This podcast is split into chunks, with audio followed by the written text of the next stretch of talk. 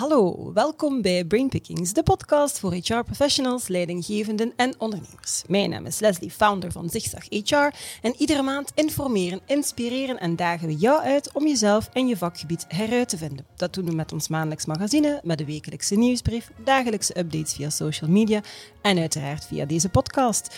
Dan kruip ik in het hoofd van een centrale gast om daar ideeën, inspiratie, best en next practices te stelen waar jij mee aan de slag kan in jouw organisatie of in jouw HR-team.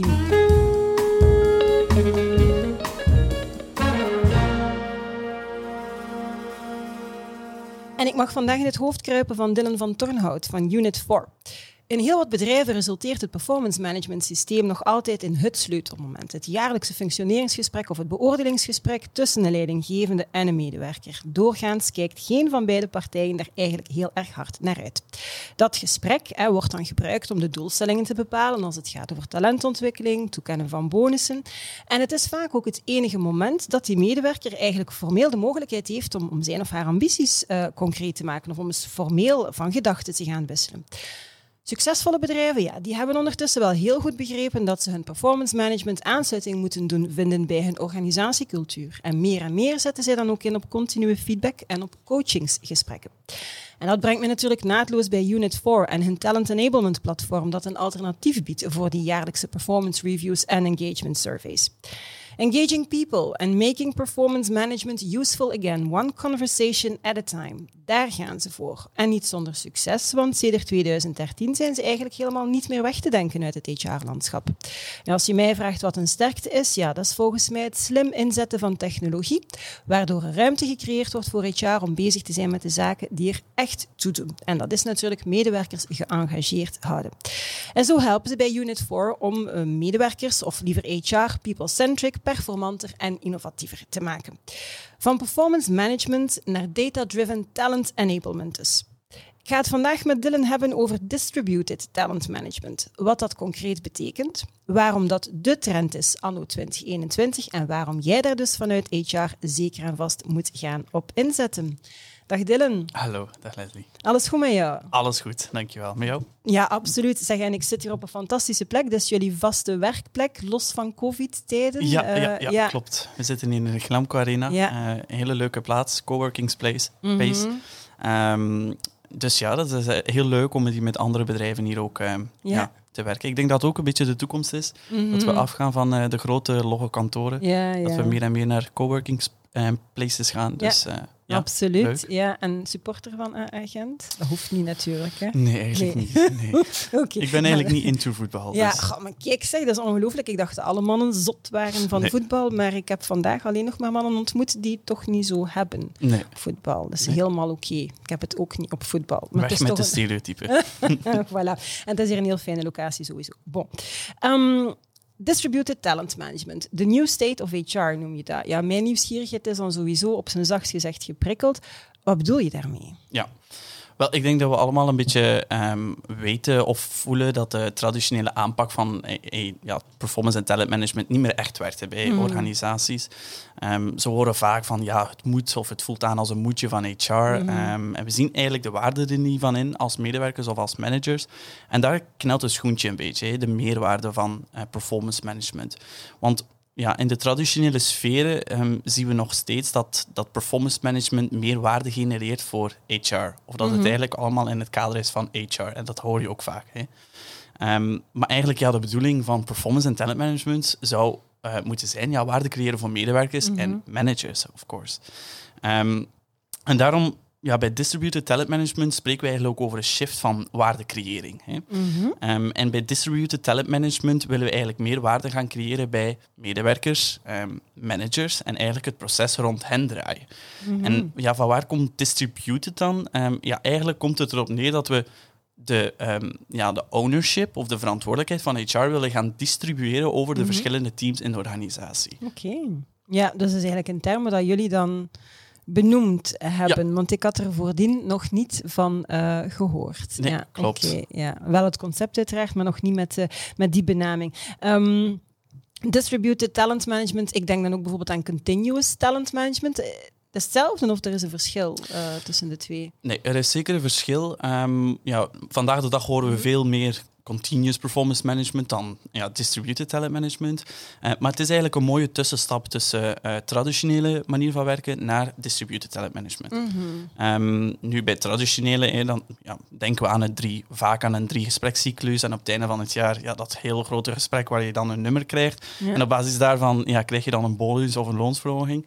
Uh, bij een continuous way of working, ja, dan gaan we eigenlijk um, ja, meerdere gesprekken gaan voeren, op een frequentere manier feedback gaan, gaan vragen um, of geven. Mhm. Maar in mijn ogen is dat steeds nog traditioneel. Um, je gaat het gewoon meer... Je gaat het gewoon meer doen, klopt. Ja. ja. Um, natuurlijk, bij sommige bedrijven ja, wordt het dan iets beter geïnterpreteerd dan bij anderen. Uh, ik ik heb wel vaak met organisaties gebabbeld die dan zeggen: Oké, we gaan van drie gesprekken naar twaalf vaste gesprekken. En in elk gesprek gaan we een ander onderwerp aankaarten. Ja. En dan denk ik: Ja, leuk. Uh, maar ja, dan, dat is niet de bedoeling. En dat is misschien al een kleine stap vooruit um, om eigenlijk ja, de grote last van de grote gesprekken um, ja, te verlagen en um, beoordeling en ontwikkeling uh, los te koppelen. Maar het is wel nog altijd een proces die je oplegt voor iedereen in de organisatie. En of dat, dat nu drie is of twaalf, het komt er eigenlijk op neer dat HR data wil genereren um, uit dat proces mm um, en dat eigenlijk gaat opleggen. Um, en dat is ja, het, het, grote verschil bij dan distributed talent management. of nee, terugkomen op mijn punt hè, van die mhm. twaalf gesprekken per jaar dat zijn dan bedrijven die dan ja, nog altijd traditioneel minded zijn in mijn mhm. ogen. Maar je hebt dan ook mensen die de continuous performance management cyclus zien als oké, we geven een, een minimumproces. Mm dus eigenlijk een één gesprek of twee gesprekken per jaar vast. En daar rond gaan we eigenlijk de vrijheid geven om het zelf in te vullen per afdeling.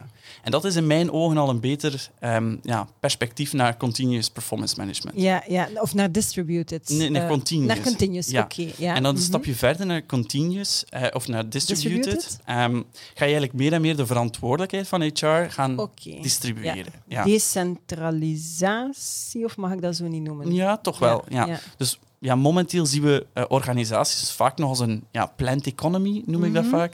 Um, of ja, een, een, centrale organisatie en in het midden wordt alles aangestuurd, alle processen worden naar verschillende afdelingen gestuurd. Um, maar we moeten eigenlijk de organisatie meer en meer gaan zien als een verzameling van micro-organisaties. Ja. Ja. Um, eigenlijk microteams, of ja, die organisaties zijn dan die teams, met daaraan een, een coach of een manager, mm hoe je het ook mag noemen. en ja, de rol van HR is om die teams of die micro-organisaties te gaan ondersteunen. Niet te gaan mhm. controleren en niet te zeggen van oké, dit team moet dat doen en dat team moet dat doen.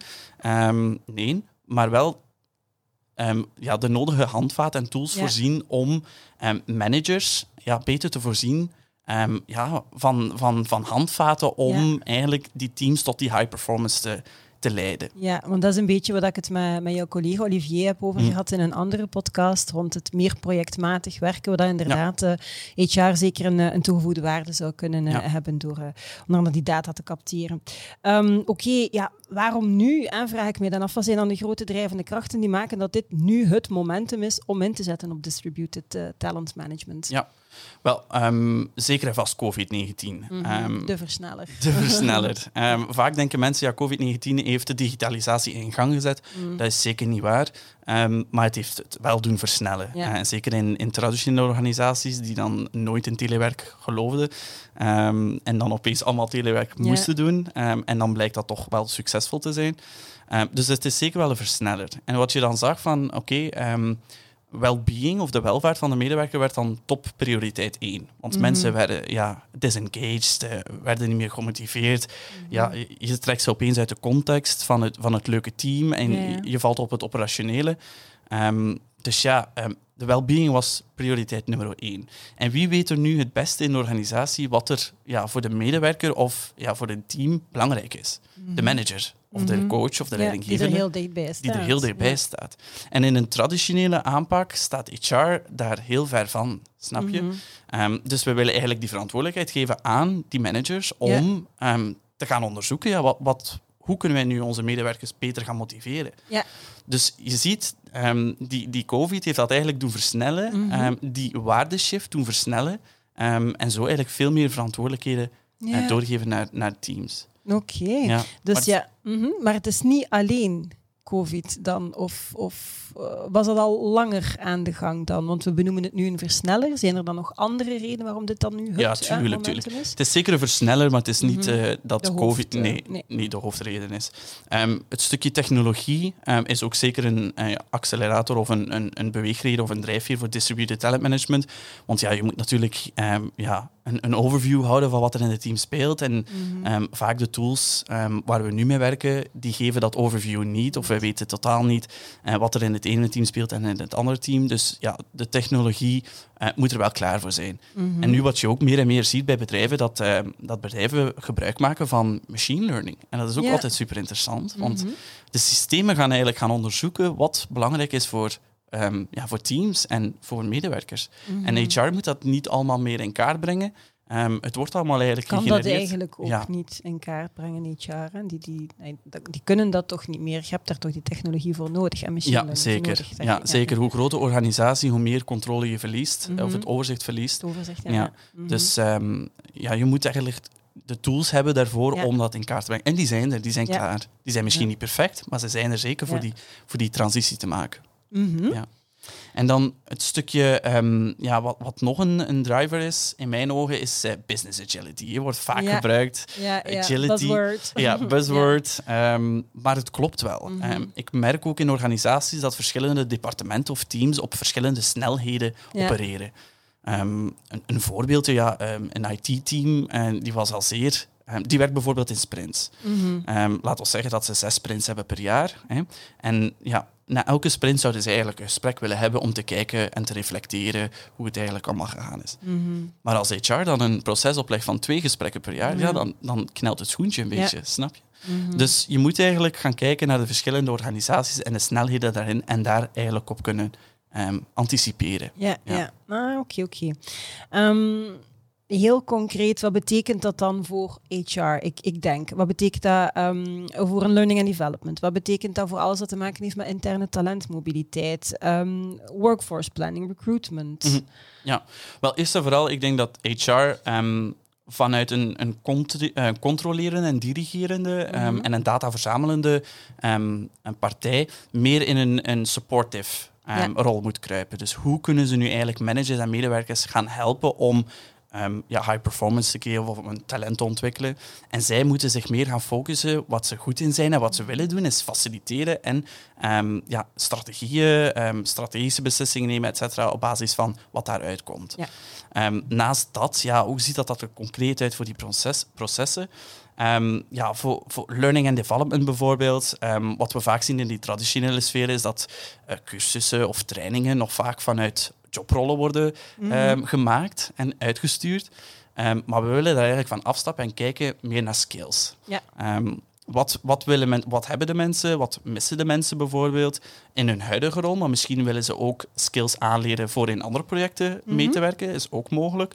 En op de basis daarvan moet je eigenlijk ja, cursussen gaan aanbieden, maar misschien ook buiten je LMS-systeem. Misschien Ja. ook gewoon op andere portalen. Snap je? Dus Mhm. ehm, daar moet je zeker de vrijheid in geven en meer gaan denken op basis van skills. Ehm, een ander voorbeeldje bijvoorbeeld, ehm, ook gerelateerd tot skills, is die workflow planning. planning Mhm. Waarbij, ja, dat is ook altijd een, eh, een grote last voor HR.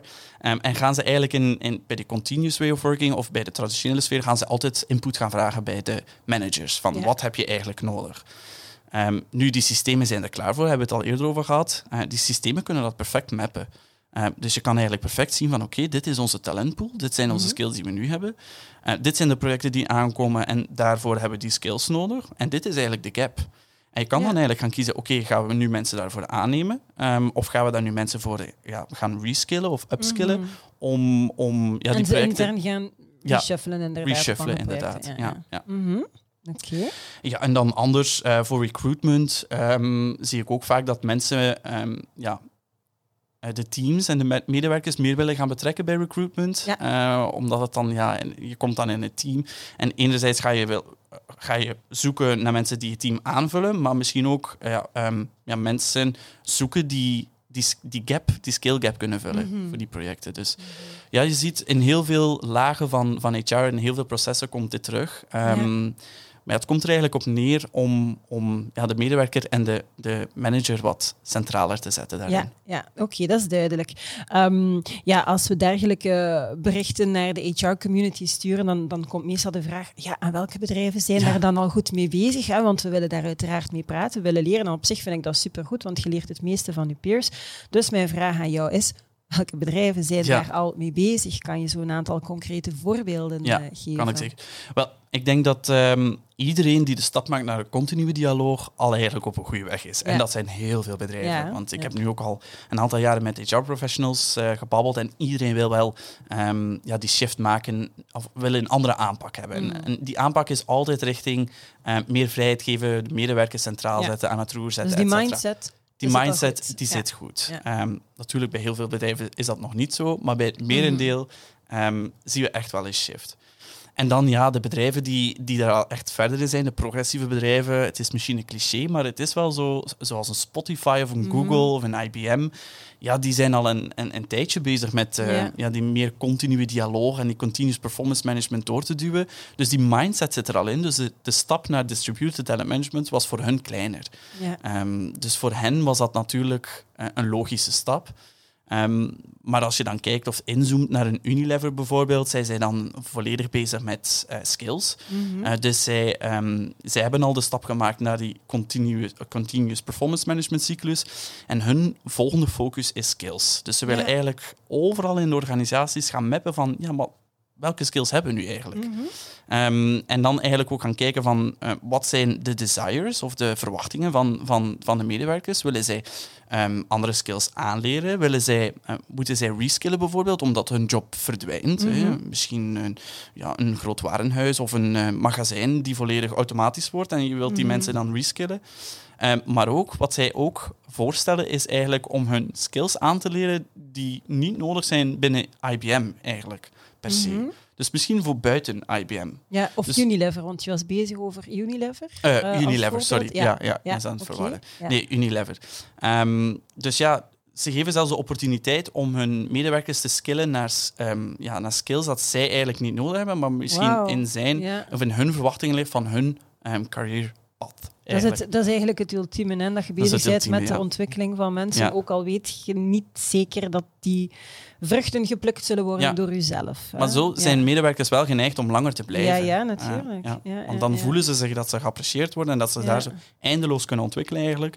En eigenlijk uh, ja, komt het toch altijd in ten voordele van, van de organisatie Absoluut, zelf. Als ze langer blijven natuurlijk. Mhm. Nu, je noemde, we hadden het over Unilever, je verwees er net naar ABN. Is dat een ander voorbeeld uh, waar je dan aan, denkt? Of, of, of was het gewoon een spraakverwarring? Of het voorbeeld van Unilever. En plots kwam er IBM. Nee, het was is een dat een ander? Ah, ja. oké, Ja, oké. Ik dacht van, misschien zit er daar nog iets. Oké, maar dus iedereen gaat in ieder geval contact opnemen met Unilever. Dat is duidelijk. Goed. Um, ja, de hamvraag. Hè. Hoe begin je daaraan? Wat is de eerste stap die je als HR-professional of uh, als HR-team moet nemen? En, en voor welke valkuilen moet je misschien vooral opletten? In welke valkuilen mag je niet trappen als je daarmee begint? Nee. Wel, die vraag heb ik eigenlijk al heel vaak gehad. Mhm. In, mijn, uh, in mijn calls ook.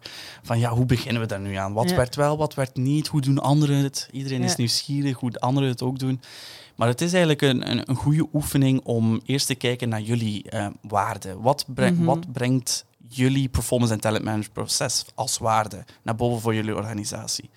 En dan moet je eigenlijk, wij noemen dat trim the fat. Dat is een oefening Mhm. die we zelf bedacht hebben en ook met onze klanten doen. Um, is om eigenlijk een, een, lijst te maken van al je HR-processen. Daarnaast de purpose daarnaast te schrijven. Ja, wat is nu eigenlijk het doel van dat proces? Mhm. En dan ga je intern vragen, misschien aan een kleine groep of de volledige uh, organisatie. Um, eerst aan HR van wat is de meerwaarde voor jullie? Mhm. En dan geef je dat cijfer van 1 tot 5. Um, en je vraagt dat ook aan management en ook aan de medewerkers. Mhm. En dan moet je eigenlijk die cijfers naast elkaar leggen. Oh oh. Ja. Wat je dan vaak ziet, is dat de, ja, de meerwaarde voor HR um, ja, vaak hoog ligt, uh, maar de meerwaarde voor de medewerkers niet. Of andersom. Mhm. Um, en dan moet je eigenlijk gaan kijken van, oké, okay, gaan we nu eigenlijk de processen gaan trimmen? Moeten we een bepaald aantal delen eruit laten? Moeten we een aantal delen gewoon vervangen? Of moeten we het Mhm. volledige proces vervangen? Oftewel, um, ja, als je van beide kanten een 3 krijgt bijvoorbeeld, um, dan zien ze beide wel de meerwaarde van in, maar dan wordt de... Ja, mag wel wat hoger. mag misschien wel Ja, wat hoger of het, het, loopt niet zo soepel. Ja. Dus misschien het systeem is niet goed. Mhm. Eh, dus dan moet je dat gaan uitzoeken. Ja, en als je aan beide kanten ziet van het heeft 0 op 5, ja, dan moet je het misschien Ja. gewoon laten vallen. Ja. Zo maar te Dus zeggen. waarmee ga je stoppen? Waarmee kan je best verder doen? En waarmee moet je starten? Ja, En tegelijkertijd die oefening maken. Als, als de foto zegt een 3 op 5 bij iedereen bijvoorbeeld, dan is dat teken dat het, ja, dat, dat het wat performanter of frictielozer of relevanter hè, Ja. ehm, zal mogen zijn. en dat noemen we dan trim the fat. En dat is eigenlijk een heel, een heel, heel simpele oefening, maar zo waardevol om even Mhm. ja, alle koppen naast elkaar te zetten. En dan van daaruit kan je verder van, ja, hoe kunnen we nu kleine stappen maken naar, Ja. Naar oftewel die continue, ehm, ja, continuous way of working, oftewel al naar die het ideale geval. naar het ideale. ja, ja. ja. ja, oké, super. Ehm, goed, heel helder in ieder geval. Ehm, jullie hebben daar volgens mij ook een whitepaper rondgeschreven. Ja. Eh, rond, ja, het lijkt mij ook wel zinvol dat we die misschien kunnen delen met mensen die, eh, die kijken of luisteren. Heb je misschien tot slot nog een ultieme, ja, ik weet het niet, learning of een uitsmijter dat je zegt van kijk, dat vind ik nu precies wel een waardevolle op basis van projecten die we al gedaan hebben Mm. of op basis van con- contacten die we gehad hebben. Een, een uitsmijter, een, Ja. een, een, eh, een ultieme takeaway. Ehm, misschien een ultieme takeaway is, ja, don't act like Google. Ehm, Mhm. Dus ga niet eh, van, van punt A naar ja, punt Z in één stap. Mhm. Doe het in kleine stapjes. Ehm, luister naar je organisatie. Luister naar de maturiteit van je organisatie. Ja. En het is oké om kleine stapjes te maken.